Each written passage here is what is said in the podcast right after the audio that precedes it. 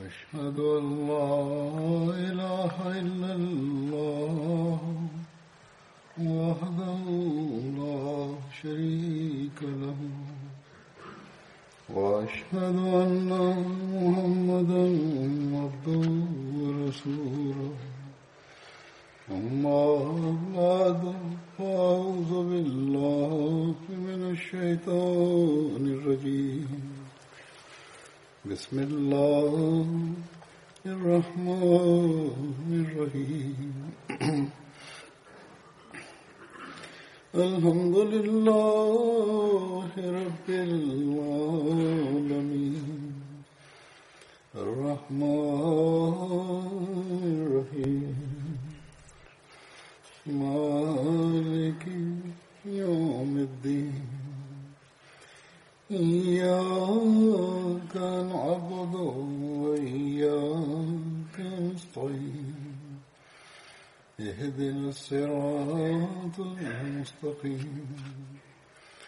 صراط الذين أنعمت عليهم غير المغضوب عليهم ولا الضالين بسم الله الرحمن الرحيم Hazur kaže, zadnju hudbu koju sam održao na temu ashaba časnog poslanika sallallahu alaihi veselam koji su učestvovali u bici na bedru, održao sam je u Njemačkoj. Tada sam spominjao ashaba Abdullah bin Ubej bin Salul. Na toj hudbi zadnje sam govorio u vezi oca od Abdullaha bin Ubeja bin Salula i u vezi bitke na Uhudu. Kada je časni poslanik s.a.v. odlučio prema prijedlogu omladine da se bori sa neprijateljima izvan Medine. Abdullah bin Ubej i njegovi prijatelji su također krenuli, ali kada su došli u dolinu Uhuda, oni su, on je izdao poslanika veselam, i vratio se sa 300 vojnika svojih prijatelja nazad u Medinu. Rekaši da Muhammed salallahu alaihi ve sellem, nije poslušao njegov savjet da se bore protiv neprijatelja u Medini. Također je rekao kakva je ovo borba, ovo je više kao samoubojstvo. Rekao je ja ne želim da sebe ubijem. Licemjerstvo je bilo u njegovom srcu od samog početka, a licemjer nije nikada hrabra osoba, kao što možemo da vidimo iz ovog događaja. Kada se on vratio, ostatak muslimana je bilo samo 700. Unatač ovome muslimani su na početku bili pobjednici na Uhudu, kako god, zbog toga što nisu poslušali savjet časnog poslanika veselam, i njegovo naređenje da čuvaju prolaz na planini, onda su muslimani doživjeli veliki poraz. Sada ću da spomenem neke detalje ponašanja od Abdullaha bin Salul. I kako je on počeo da govori razne uvrede u vezi časnog poslanika sallallahu alejhi ve sellem i u vezi muslimana. Ovi detalji će također da nam pokažu kako njegov sin Hazreti Abdullah je imao veliku ljubav prema časnom poslaniku sallallahu alejhi ve sellem i prema islamu.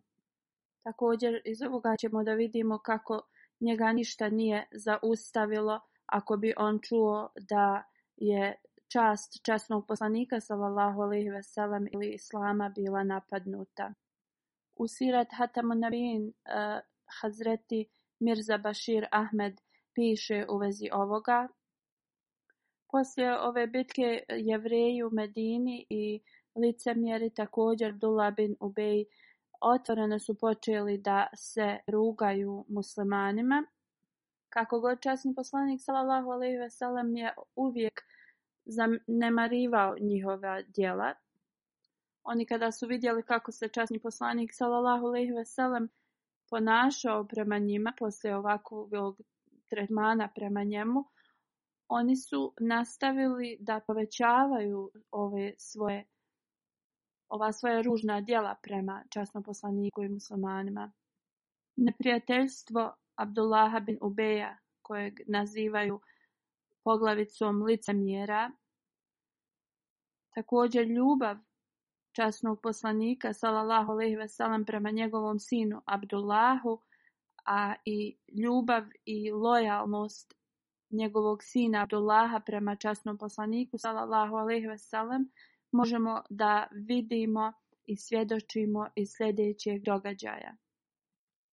U petoj godini poslije Hidžre, kada su se vraćali iz borbe Benu Mustalik, časni poslanik Salavlahu Alih Veselem je zastao u mjestu Moresi nekoliko dana. Ovako se zvao Bunar od plemena Benu Mustalik. Kako god u toku ovog vremena incident se dogodio koji je skoro prouzrokovao civilni rat između ovih nejakih i naivnih muslimana. Kako god mudrost i razum časnog poslanika salallahu alejhi ve sellem je on je bio u stanju da ih zaustavi da da se oni da oni ne započnu ovaj rat. Ovako se to desilo. Sluga Hazreti Omera radijalahu anhu, koji se zvao Džađa, je otišao na ovaj glavni bunar, na ovaj glavni izvor, da naspe vode. I u isto vrijeme jedna osoba koje, koji se zvao Sinan je također došao. On je bio Ensarija. Oba dvojca nisu bili malo neupili, neupućeni, obični ljudi, Džahđa je tad udario Sinana. Sinan je tad počeo da viče i da galami. Govorio je, o Ensarije, dođite da mi pomognete. Ja sam izudaran i napadnut sam. Kad je Džahđa vidio da Sinan zove svoje ljude, ansarije, on je tada počeo da zove muhađire. I on je zvao muhađire da mu pomognu i kada su ansarije i muhađiri čuli da ova dvojica ih zovu, oni su brzo potičali prema tom izvoru sa svojim mačevima u rukama. Mnogi od njih su se okupili tu i ovi mladi i neiskusni muhađiri i ansarije su bili pa skoro da se tu potuku, ali nekoliko iskusnih i mudrih ansarija i muhađira su ih savjetovali. Oni su ih odmah razdvojili i smirili su tu situaciju. Kada je časni poslanik s.a.v. saznao u vezi ovoga, on je rekao da je ovo ponašanje ne, neukih ljudi i pokazao je veliko nezadovoljstvo sa ovakvim ponašanjem. Uglavnom ovo se završilo ovako, nije ništa bilo više problema. Kako god kada su ove vijesti stigle do ovog licemjera Abdullah bin Salula, koji je također učestvao u ovoj borbi, on je želio da ponovo stvori nemir među ovim ljudima. Počeo je da diže tenzije kod naroda koji je bio oko njega, njegovo društvo i prijatelje protiv časnog poslanika, salalahu alih veselam. Rekao im je, ovo je vaša krivica, vi ste dali ovdje zaštitu ovim strancima i dozvolili ste im da vam budu kao vladari ili poglavice, vi i dalje imate priliku da ih prestanete podržavati i neka odu sami. Na kraju do te mjere da je rekao le, le irređanal ilal medineti le juhriđennel a, u, a uzu min hal azale. To jeste, on je rekao, sačekajte dok dođemo u Medinu, vidjet ćete da najčasni čovjek ili ljudi, oni će da istjeraju najgore ljude ili osobu iz ovog grada. Na tom skupu bio je jedan mladi musliman, vrlo iskren Zaid bin Arkam, kada je čuo ove riječi u vezi časnog poslanika sallallahu alaihi wasallam da Abdullah bin Salul izgovara, bio je vrlo uznemiren i onda je otišao kod časnog poslanika sallallahu alaihi wasallam i prenio mu u vezi ovoga možemo da vidimo kako su u to vrijeme i vrlo mlade osobe koje su iskreno, iskreni muslimani bili. Oni su bili tako lojalni i predani i ovaj mladi momak je preko svoga Amidže, u stvari on je prenio ove, ovo časnom poslaniku sallallahu alaihi wa sallam.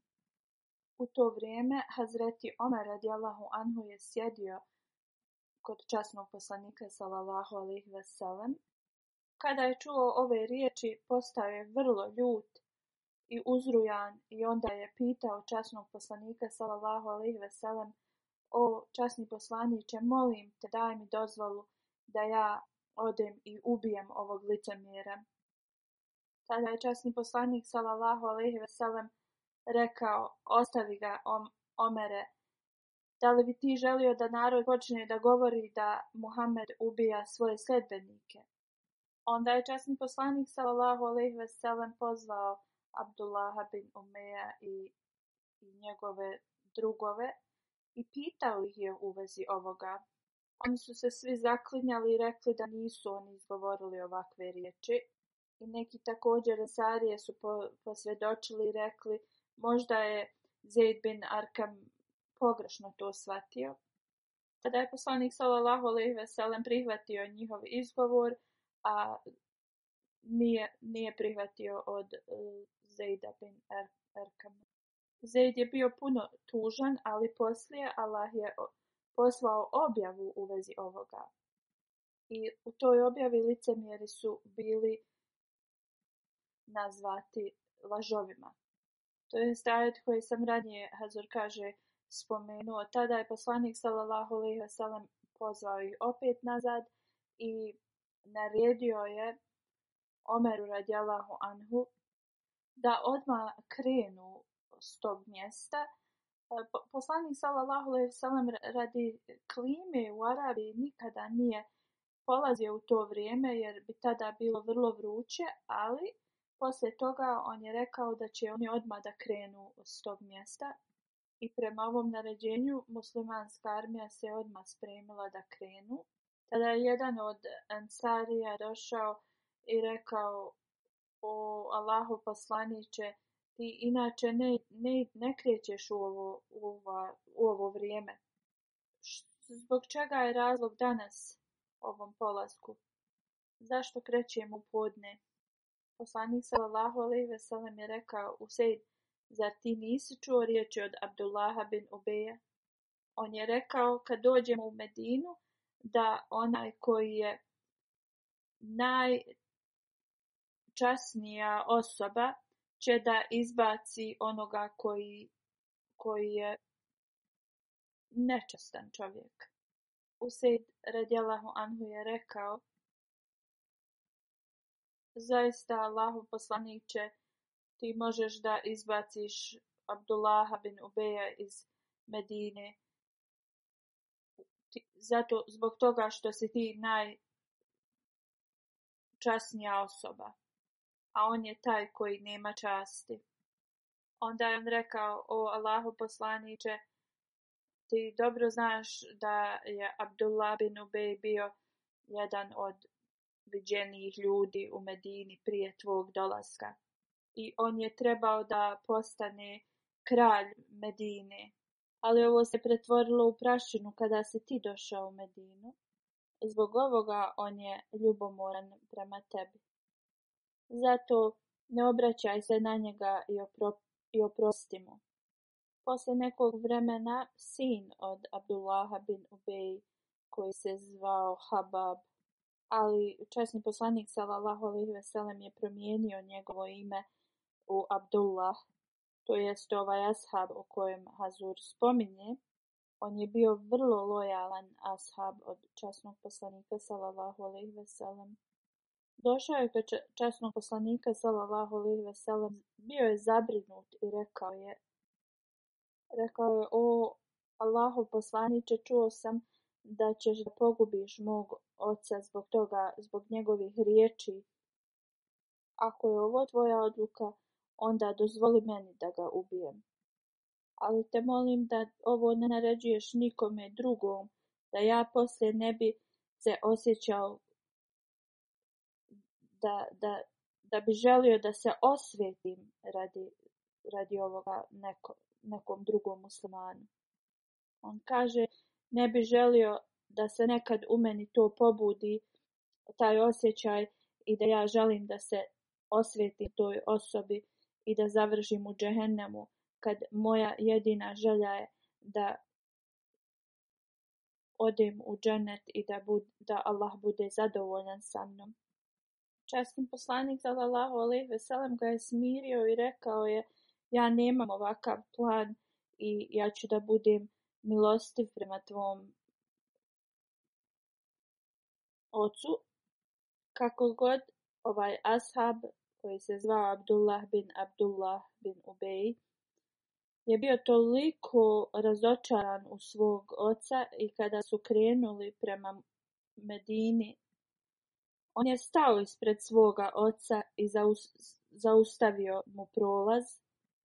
Rekao mu je, ja ti neću dati da se vratiš u Medinu dok ti svojim vlastitim riječima ne kažeš da je časni poslanik najčasniji čovjek, a da si ti najgori. On je toliki pritisak vršio na svojim ocem da, da on je na kraju izgovorio ove riječi i onda ga je on ostavio na miru. Ibn Isad prenosi ovaj incident sljedećim riječima. Kada je časni poslanik sallallahu alejhi ve sellem naredio svojim ashabima da e, se vraćaju Hazreti Abdullah je stao na put spred svog oca. Sišao je sa svoje kamile i rekao svom ocu, dok ne kažeš da si ti najgori, a časni poslanik Muhammed s.a.v. najbolja osoba, neću te ostaviti na miru. Kada je časni poslanik s.a.v. prošao kraj njih, rekao je, ostavi ga. I dodao je, kunem se, da dogod on bude živio među nama, mi ćemo da se opodimo prema njemu sa pažnjom i, i lijepim ponašanjem. Ovo je zabilježeno u Aptaba Katel Kubra. Osim ovoga, zabilježeno je da otac od Hazreti Abdullaha je rekao da najčasnije osobe ili najčasniji ljudi ili strana će da izbaci učinjenje iz eh, grada one koji su najgori. Kad je ovo čuo, Hazreti Abdullah je rekao o Allahu poslaniće, on je taj koji je najgori, a ti si najčasniji. Ovaj sin je rekao ovo u vezi svog oca. Abdullah bin Ubej bin Salul je također bio glavni pod, koji je podstakao tračave i glasine u vezi Hazreti Abdullah Aše radijallahu anha. I to je bilo kad su se vraćali iz borbe Benu Mustalik. Hazur kaže, ja sam već govorio u vezi ovoga incidenta. Ja ću sada sam da spomenem neke detalje u vezi ovoga. Ja ću da predstavim dio ovog hadisa. Hazreti Aše radijallahu anha kaže da je bila praksa poslanikova sallallahu alejhi ve sellem prije nego što kreće na put da izvlači koja će žena da ide sa njim i onda bi on uh, poveo sa sobom onu koja je bila iza brata. Tada je mene izvukao i ja sam uh, to način na koji je birao koja žena će da ide s njim i e, ona kaže ja sam krenula sa njim ovo je bilo vrijeme kada je naređenje u vezi e, propisnog e, pokrivanja žena bilo naređeno i u to vrijeme ona kaže sjedila je kao u nekoj e, napravljenoj kuti u kojoj je ona nakamili i niko je nije mogao da vidi.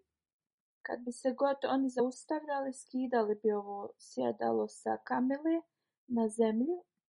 Ona kaže, posle ove uh, Eh, borbe kada smo odmarali jednu, jednu večer poslanik sallallahu alejhi ve sellem je naredio da krenu prema Medini. Ona kaže ja kad sam čula ovaj poziv morala je da da vrši prirodne potrebe. Ona kaže ona se brzo vratila, ali kad je došla do svoje kamile ona je vid, primijetila je da je izgubila svoju uh, ogrlicu koja je bila od crnih nekih kamenja napravljena. Ona kaže, otišla sam da je potražim ogrlicu i malo sam se zadržala. Ona kaže, dok sam ja tražila tu ogrlicu, oni koji su dizali njenu tu sjedište na kamilu, oni su došli, digli i nisu ni primijetili da ona nije bila u njoj. I tako o, armija je krenula U svakom slučaju ona kaže kada sam našla ogrlicu, vratila sam se gdje, gdje je boravila, ali tada niko nije bio ostao tu. Ona kaže bila sam puno zabrinuta, ali sam odlučila da čekam na istom mjestu jer kada svate da su me izostavili, vratit će se na to mjesto. Ona kaže tu sam čekala i onda sam zaspala. Safman bin Mutel zaklani Ashab čija je dužnost bila da ostane iza armije, tako ako bi bilo šta im ispalo ili ostalo, on bi mogao da, da se pobrine za to. On je tu stigao uzoru i našao me da spavam.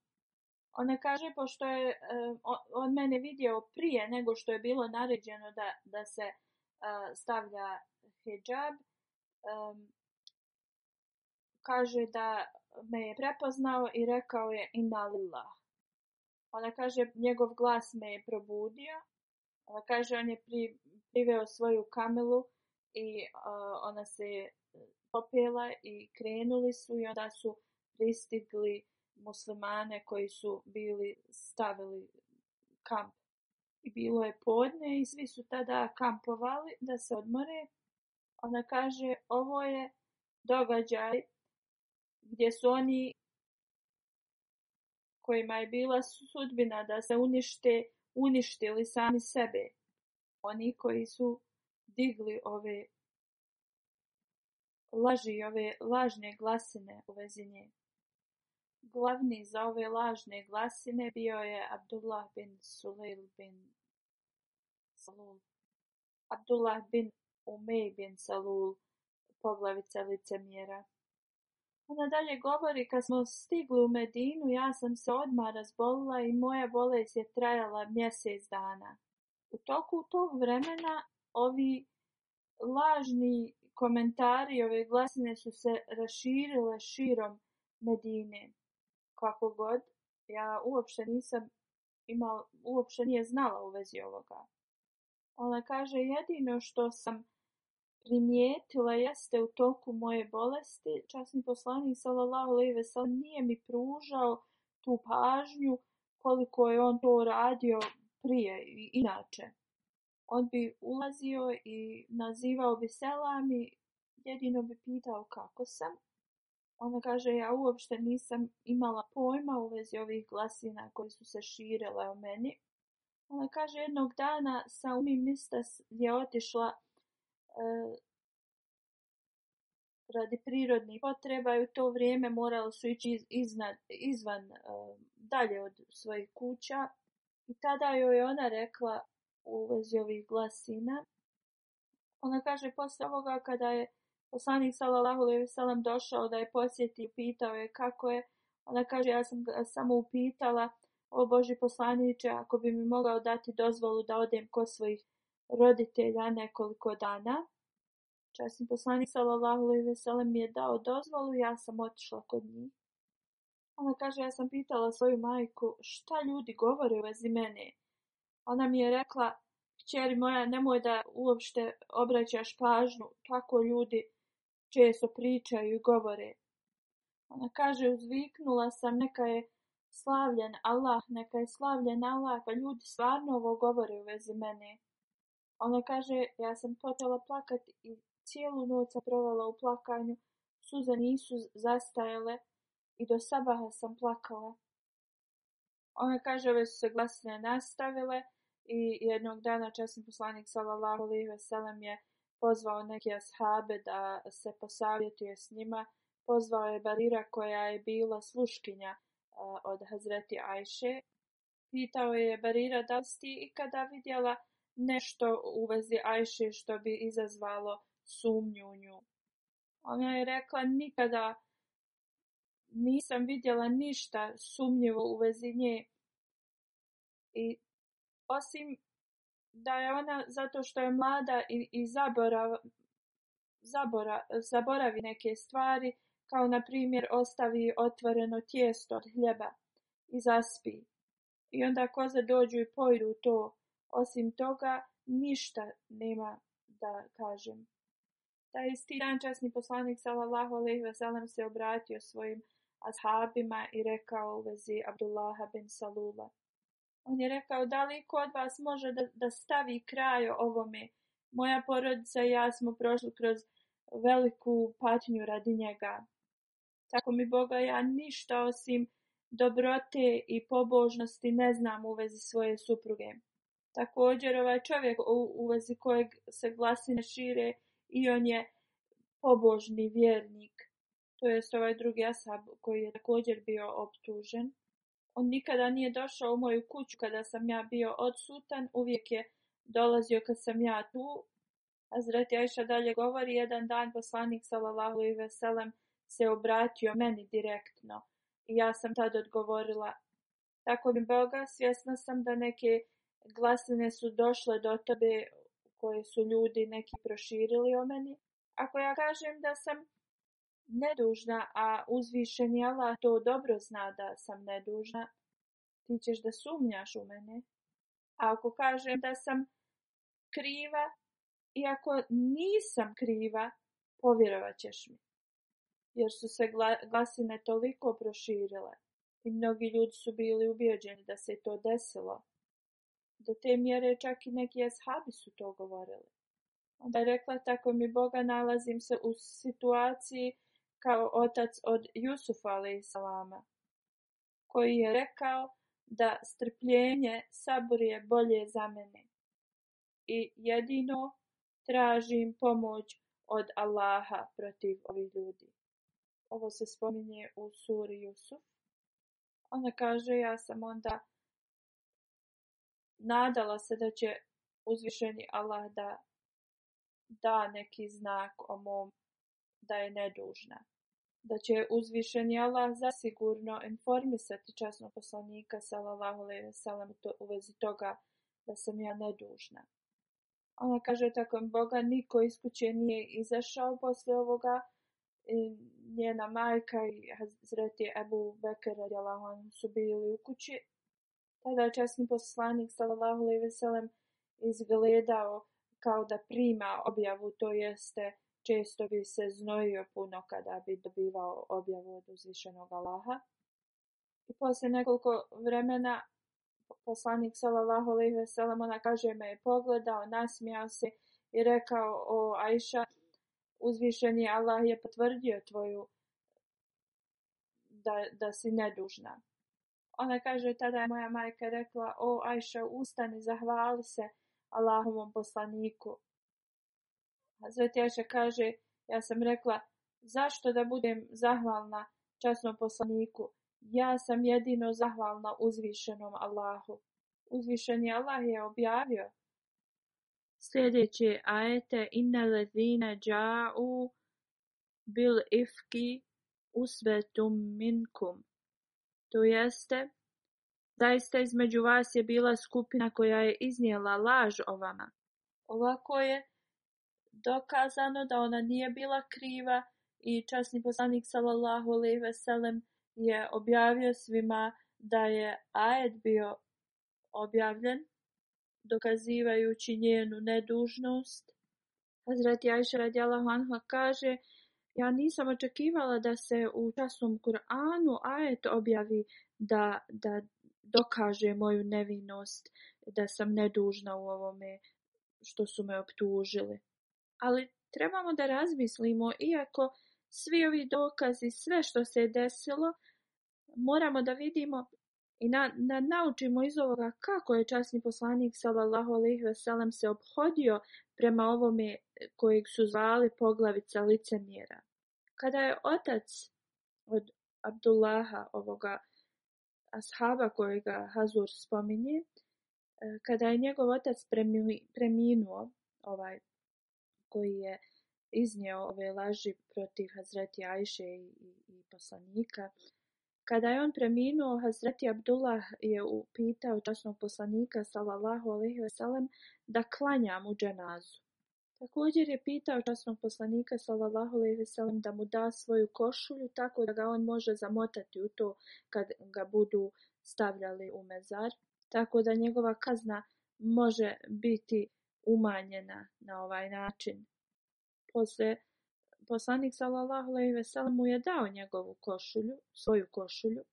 U drugom hadisu se prenosi kada je otac od Abdu, Hazreti Abdullah, Abdullah bin Salul, preminuo, da je Abdullah e, došao kod časnog poslanika s.a.v. i rekao, molim te, daj mi jednu svoju košulju tako da mogu da zamotam svog oca i da ga tako sahranim u tome molim te klanjaj njegovu dženazu i moli se za njegov oprost. Tada mu je časni poslanik sallallahu alaihi ve sellem dao svoju košulju i rekao da ga pozove kad oni budu pripremili ga za e, ukop. Kada je časni poslanik sallallahu alaihi ve sellem htio da klanja dženazu njegovu, Hazreti Omer radijallahu anhu je rekao: "Uzvišeni Allah ti je zabranio da klanjaš dženazu" licemjerima.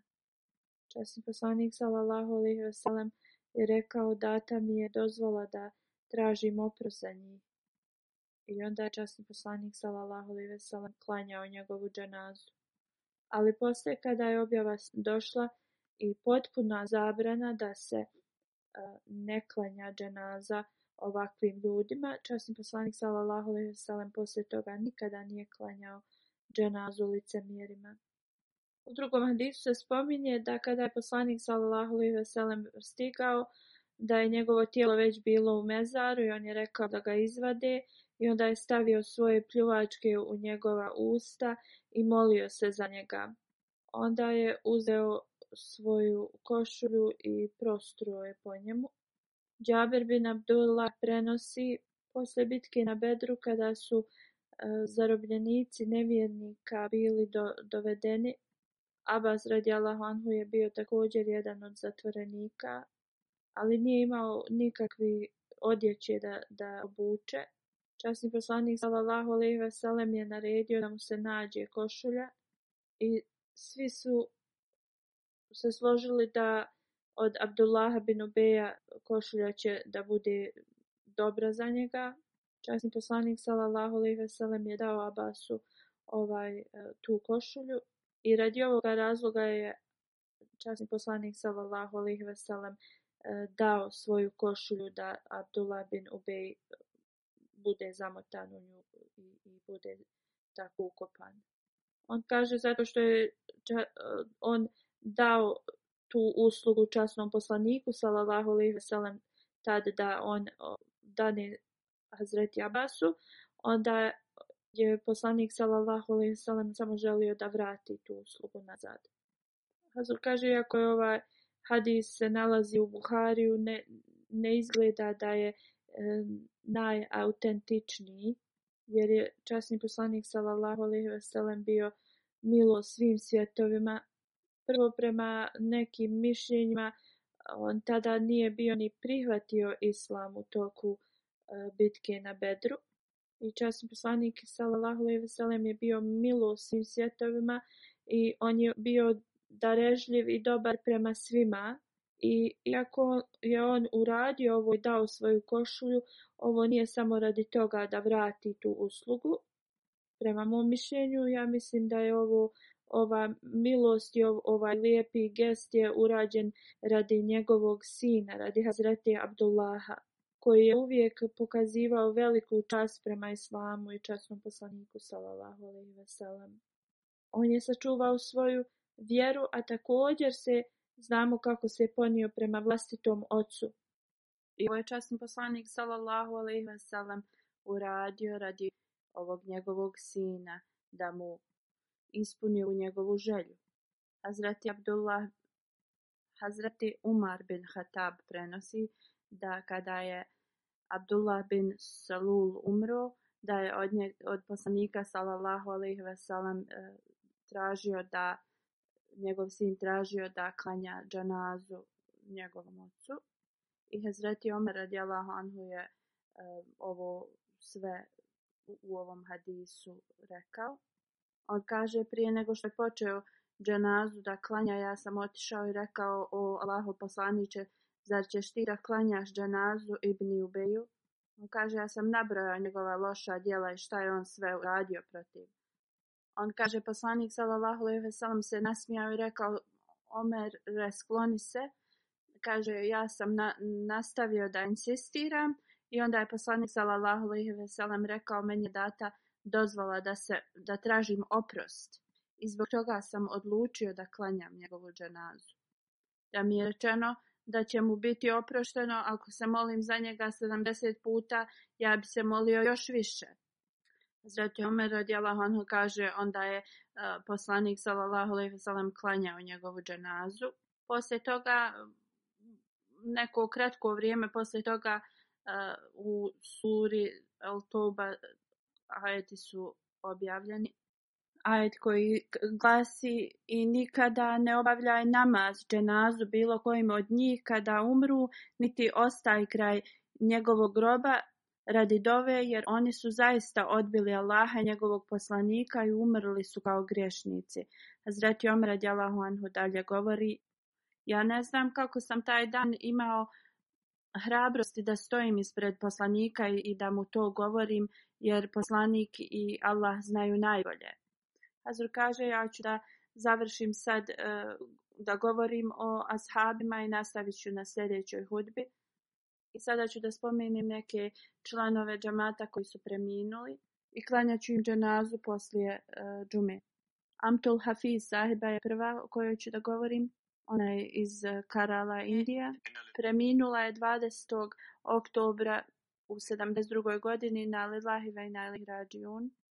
Ahmedijat je došao u njihovu porodicu kroz njenog djeda s majkine strane.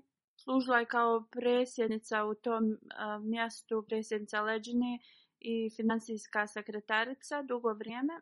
Bila je redovna u klanjanju tahadžuda i učenju Kur'ana i podučavala je Kur'an, Leđina i Nasrat.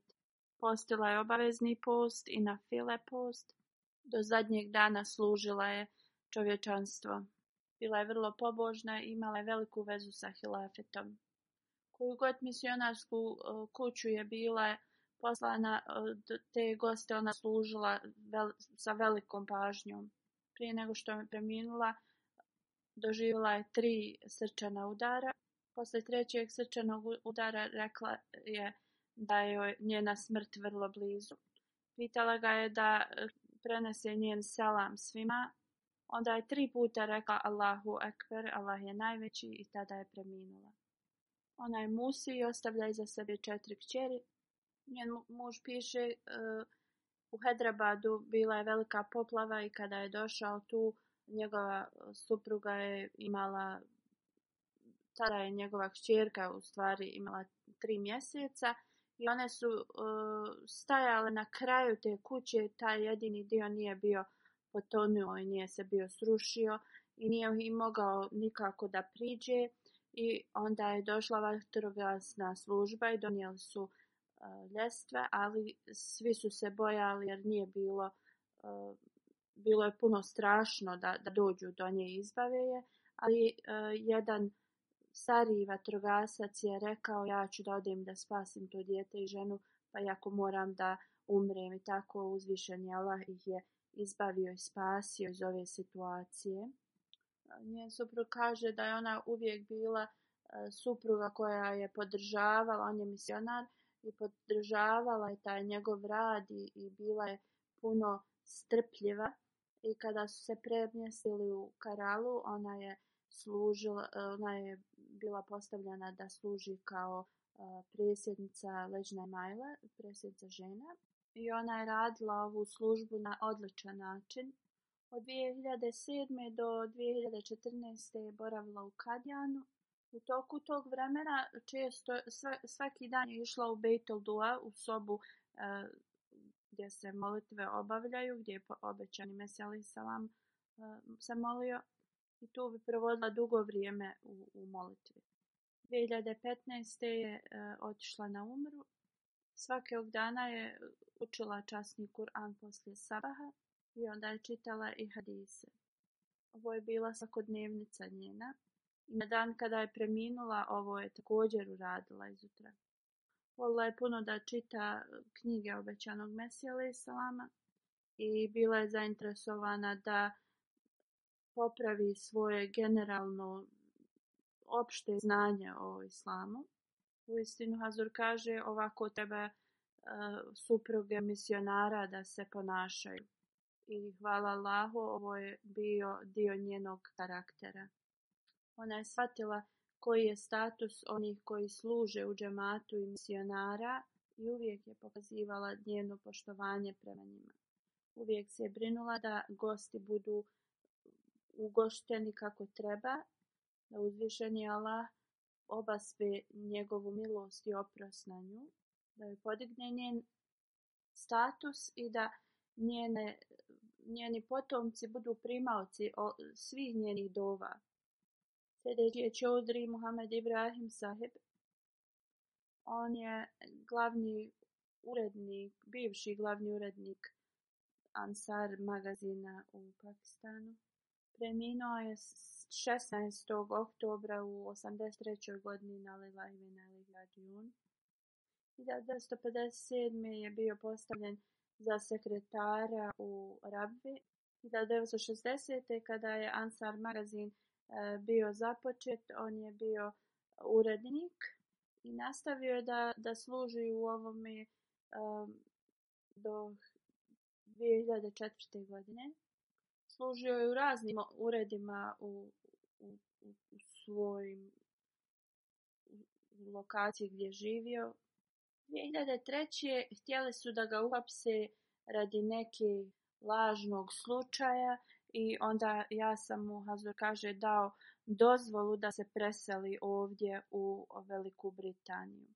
I, o, i ovdje je također imao priliku da služi u um, raznim uredima 8 ili 9 godina i služio je u nacionalnom uredu. On je bio Musi, otputovao je u rabvu prije svog prije nego što je preminuo. On je preminuo u rabvi, bio je bolestan. Za sebe ostavlja jednu čerku, petoricu sinova i unučadi. Da uzvišenja Allah podari svoju milost i oprost na njega da uzvišeni Allah nje, njegovim potomcima da rade kao što je on i da ostanu povezani s hilafetom. Dok je bio urednik u magazinu u Pakistanu, često bi dobivao prijave. 27 raznih prijava je bilo prineseno za njega.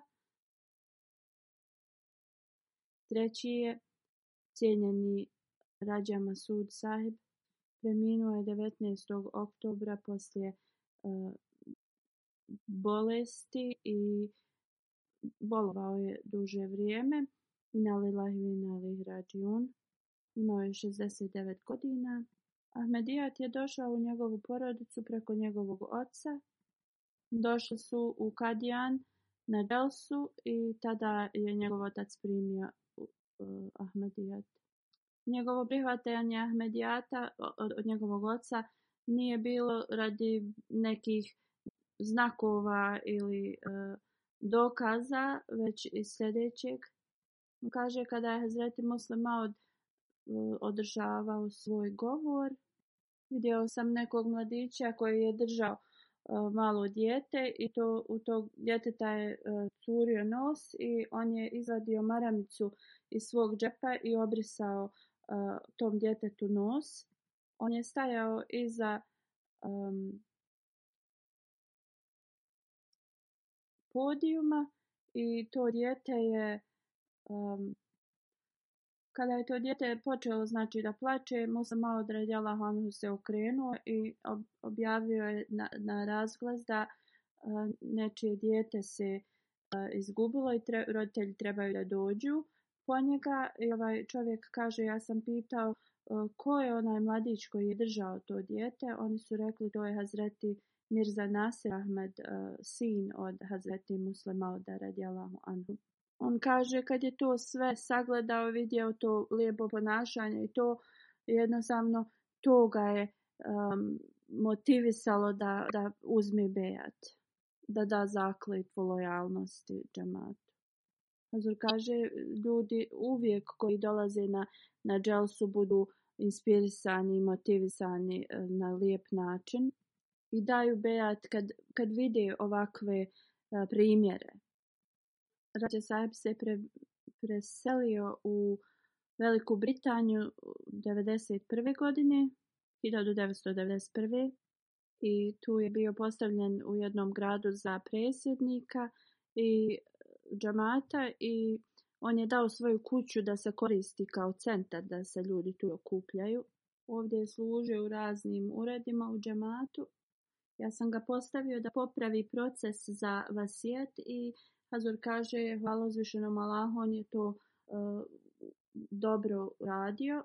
Imao je veliku vezu sa hilafetom i bio je uvijek odnosio se s poštovanjem prema svim onima koji služe u džamatu bio je redovan e, da klanja tahadžud i davao je e, čendu vrlo redovno i sa velikim e, iznosom. Davao je sadaku i uvijek se brinuo o siromašnim. Hvala Allah, bio je Musi i za sebe ostavlja suprugu, jednu kjerku i dvojicu sinova. Hazur kaže, mi smo uh, bili studenti na istom univerzitetu, samo u različitim klasama jer smo učili različite smjerove, ali smo bili zajedno u isto vrijeme na e, koleđu i znam da e, iz tih dana, kada pa kaže, možemo, može se reći da smo zajedno studirali, imali smo jedan čas urdu e, gdje smo zajedno prisustvovali. Čak i tad u, u mladim danima uh, Hazur kaže e, ja sam sjećam se da imao toliko dobrih e, kvaliteta u vezi njega. Uvijek imao veliku disciplinu i nikada nije volio da, da radi bilo kakve ni šale, neke pretjerane ili nešto. Kao što možemo vidjeti da omladna voli da se puno šali dok su u školi. To on je uvijek bio vrlo disciplinovan. Niti je ikada smetao nekome, da mu uzvišen je Allah podigne njegov status. Iz Rabbe jedan a, gospodin piše u vezi, u vezi njega da je bio vrlo hrabra osoba. U jednom mjestu tamo bila jedna džamija koja nije bila u dobrom a, e, izgledu. Od 84. tamo se nije mo, nisu se mogle više džamije, Ahmedi nisu mogle da prave džamije, niti smiju a, da ih popravljaju ali tada taj rađa sahib je e, bez ikakvog straha otišao i počeo da popravlja tu džamiju u kojoj je plafon bio e, počeo da, da, da se e, ruši. I poslije dogovora sa Emirom sahibom on je završio taj posao. On je to sve završio bez ikakvog nekog da, da privlači pažnju od drugih. Na vrlo uh, smišljen e, način je to sve završio. On samo, ne samo da je financijski se tad zretvovao, već je i sa svojim vremenom i radom i, i također je drugi, on kaže, podstakao da to uh, rade. Na ovakav način džanija je bila renovirana potpuno. Sljedeća džanaza je od uh, cijenjene Salihe Abror. Preminula je 1. oktobra i na Lilahive i na Lihrađijun. Ona je vrlo bila hrabra žena koja je ispunila dužnosti prema uzvišenom Allahu i prema njegovim stvojenjima. Od malih nogu je uh, redovno bila redovna u namazima i u članarini i redovnom postu. Mala je istinski, istinsku vezu sa hilafetom. Kada joj se otac uh, e, penzionistu je vratio se iz Irana, ona je davala čendu i od uh, džeparca kojeg je dobivala. Jednom je uh, finans, sekretar za financije rekao da u tom gradu najveći iznos do, donacija i članarine uh, dobivam od ove uh, mlade djevojčice, a to on je govorio o ovoj gospođi koda, koja je preminula. Ovo je bilo prije nego što se ona udala njena kćer Tahira Mumin Sahiba kaže, ona kaže poslije e, braka, ona ne samo da je udjeljivala, ona je imala tako mehko srce ko, i volila je da pomaže sve one kojima je pomoć bila potrebna. Bilo šta kad bi uh, se tražilo da, da se uh, skupljaju donacije, ona je uvijek se javljala za to i davala je veliki iznos. Služila je dugo vrijeme kao uh, predsjednica žena Kada bi god išla da posjećuje žene, uvijek bi savjetovala da financijski daju. Bila je vrlo pozitivna. Kaže, mjesto gdje, gdje se ona tad udala, bilo je uh, pretežno neke su se ove inovacije i, i ljudi tu nisu baš bili uh, naj... Uh, nisu baš bili kao civilizovanje, ali ona se u toj nije zaustavljala, uvijek se je sastajala sa svima i, i, i sa svima se lijepo ponašala. Ona kaže sve um, žene se rado sjećaju. Ona kaže savjet koji je davala tim ženama kad su god bile uh, zabrinute i to da, da trebaju da klanjaju svoje namaze i da se mole. I molila se za njih puno. Volila je da se druži sa svima. Gdje god bi išla, ona bi nekako stvarala ta prijateljstva. I svi bi bili u tom njenom krugu prijateljstva. Uzvišen je Allah podari istu lojalnost i iskrenost njenoj djeci i da podari njegovu milost i, i oprost njoj. Da njena djeca uvijek ostanu uz džamat i hilafet i da se žrtvuju na način na koji se njihova majka žrtvovala. Da uzvišen je Allah primi sve njene dove koje je o tražila za svoju djecu i za sebe ostavlja dva sina i dvije kćeri. Azur kaže, kao što sam spomenuo ranije, klanjaću dženazu poslije džume svim ovim u odsustvu.